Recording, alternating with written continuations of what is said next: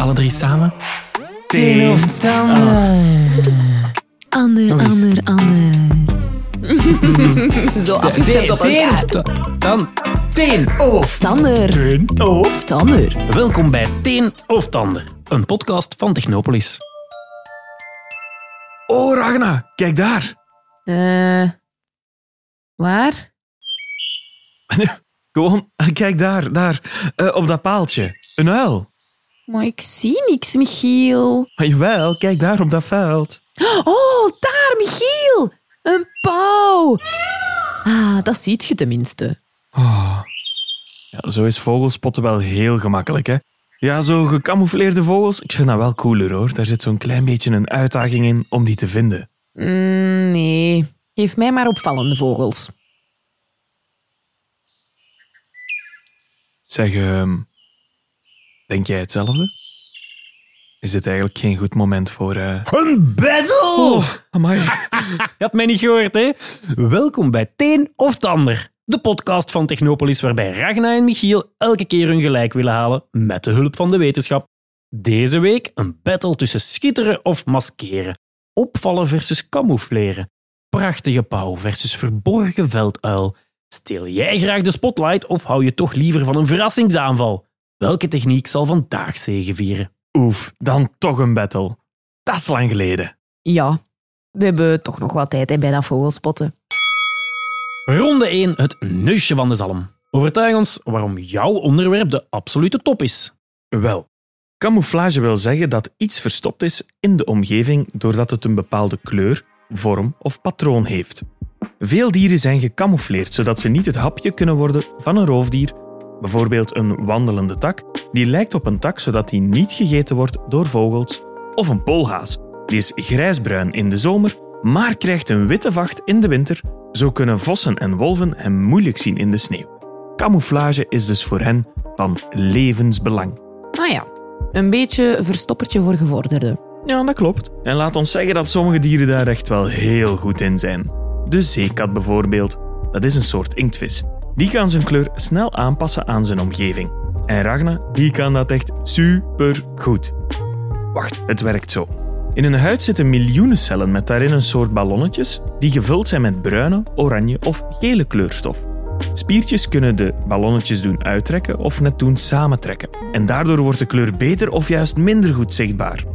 De zeekat kan al die ballonnetjes in zijn huid aanpassen, zodat hij perfect opgaat in zijn omgeving.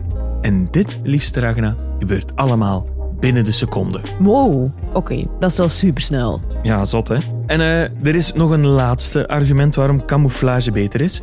Niet alleen dieren, maar ook wij mensen maken daar gebruik van. Ja, wie camouflage zegt, denkt bijvoorbeeld aan het leger. Want zij hebben gecamoufleerde uniformen, legertanks, legernetten en noem zo maar op. Ja, maar het leger zegt mij wel niet zoveel. Ja, maar gelukkig gebruikt niet alleen het leger camouflage. We gebruiken het ook bij dingen die we niet graag in ons landschap zien. Zoals hoge, lelijke gsm-masten. Er zijn niet zoveel mensen die die mooi vinden, maar daar hebben we gelukkig iets op gevonden. Je kan zo'n masten namelijk camoufleren door met groene plastic ze te vermommen als boom. En afhankelijk van waar je ze wil zetten, kan je er een dennenboom van maken, of een palmboom, of een reuzencactus, al zijn die dan wel heel groot. Ja, daar hebben ze wel goed over nagedacht.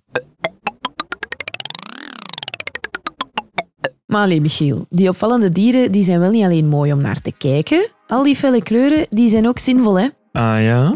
Denk maar aan het rode lieve heersbeestje met zwarte stippen. Hij is heel opvallend tussen de groene bladeren en toch zullen vogels de beestjes niet oppeuzelen. Dat komt omdat ze met hun felle kleur zeggen: Eet mij niet op, ik ben giftig. Hoe feller van kleur, hoe giftiger het lieve heersbeestje zelf is. Misschien heb je ook wel al eens gezien dat die lieve heersbeestjes een klein geel druppeltje achterlaten.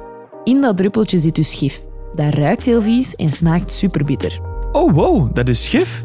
Ik dacht altijd dat dat pipi was. Nee hoor. Oké, daarnaast hebben die kleuren ook een voordeel bij het verleiden. Bijvoorbeeld met felgekleurde veren, kammen of poten willen mannetjesvogels vrouwtjes overtuigen om voor hen te kiezen. Felle kleuren zeggen de vrouwtjes twee dingen.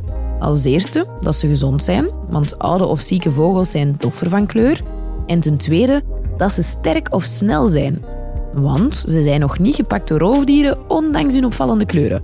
Zo heb je bijvoorbeeld de blauwvoetgent. Dat is een vogel met... Blauwe voeten uit Gent. Blauwe voeten ja, uit Gent nee.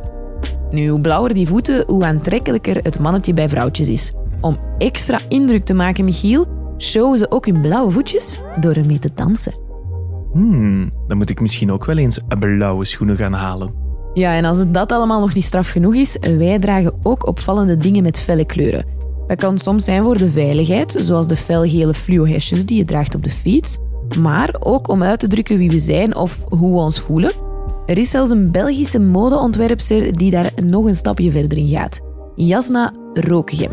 Zij maakt kleren met lichtjes in die veranderen van kleur afhankelijk van hoe je je op dat moment voelt. Zo is er bijvoorbeeld een jurk die je hersengolven opvangt en zo herkent of je vrolijk, droevig of boos bent. Dus als je dan boos bent, Ligt die kleur op in het felrood en ben je droevig wordt die blauw en ben je vrolijk wordt die geel. hmm, interessant. En welke kleur krijgt hij als je op het toilet zit? Ronde 2, het poepje van de zalm. Overtuig ons met één argument waarom je tegenstander zijn onderwerp een absolute flop is. Michiel, je zei dat heel wat dieren camouflage gebruiken om niet opgegeten te worden, maar ook roofdieren gebruiken camouflage. Zo kunnen ze ongemerkt toeslaan en arme niet vermoedende prooidieren te pakken krijgen. Zoals een tijger bijvoorbeeld. Maar die is toch oranje? Ja, voor ons wel, maar voor de prooi van de tijger, zoals bijvoorbeeld herten, is die wel degelijk gecamoufleerd. Die kunnen namelijk de kleur oranje helemaal niet zien. Voor hen lijkt de tijger net groen. En door de strepen op zijn vacht valt de tijger dan weer niet op in het bos tussen de bomen of in het hoge gras. Liefste Ragna. Opvallen is ook niet altijd goed hoor, want mensen maken vaak jacht op de opvallendste, meest kleurrijke dieren. Zo vangen ze bijvoorbeeld zeldzame vlinders om die dan onder een stolp te steken, of halen ze tropische vissen of korallen uit de zee om in aquaria te zetten en rukken ze zelfs papegaaien uit het wild om ze dan door te verkopen als exotisch huisdier. Allee, oh garme. Ja, en dat heeft zelfs catastrofale gevolgen. Zoals voor de Spixara, dat is een prachtige Braziliaanse blauwe papegaai. In 2000 verdween die helemaal uit het wild door de vernietiging van zijn leefgebied en door stropers. Gelukkig leven er nog wel tientallen dieren in kweekcentra in Duitsland, Brazilië, maar ook bij ons in België. Die centra werken superhard samen om de Spixara opnieuw te laten wennen aan zijn leven in het wild en ze kunnen dan weer vrijgelaten worden in de natuur, waar ze hopelijk een veilige toekomst tegemoet gaan. Ronde 3, even iets anders. Argumenten slingeren, ja, daar zijn deze twee goed in. Maar kunnen ze ook op een andere manier hun gelijk halen? Deze aflevering in even iets anders. Het opsporingsbericht. Op vraag van het parket van Technopolis verspreiden wij volgend opsporingsbericht. Op donderdag 3 augustus omstreeks 12 uur verdween Gerald uit zijn huis. Gerald werd de laatste keer gezien om 13.45 uur in het Vrijbroekpark in Mechelen. Getuigen bevestigen dat hij hier nog wat nootjes aan het eten was. U kan Gerald makkelijk herkennen aan de felle kleuren. Hij heeft een groene buik en een geel-groen-zwarte rug. Gerald heeft ook een blauwe vlek op iedere wang.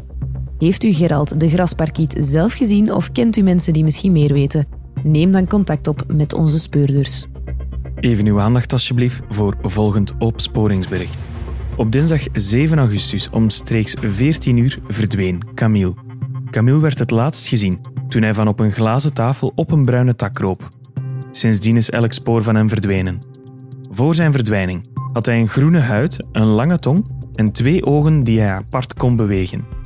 Heeft u Camille de Chameleon zelf gezien of kent u mensen die misschien meer weten? Neem dan contact op met onze speurders. Ronde 4. We gooien alle remmen los in deze laatste ronde met de laatste argumenten. Het bekgevecht. Sommige dieren lijken dan wel opvallend, maar eigenlijk gebruiken ze camouflage. Denk bijvoorbeeld aan zilverkleurige vissen, zoals haringen.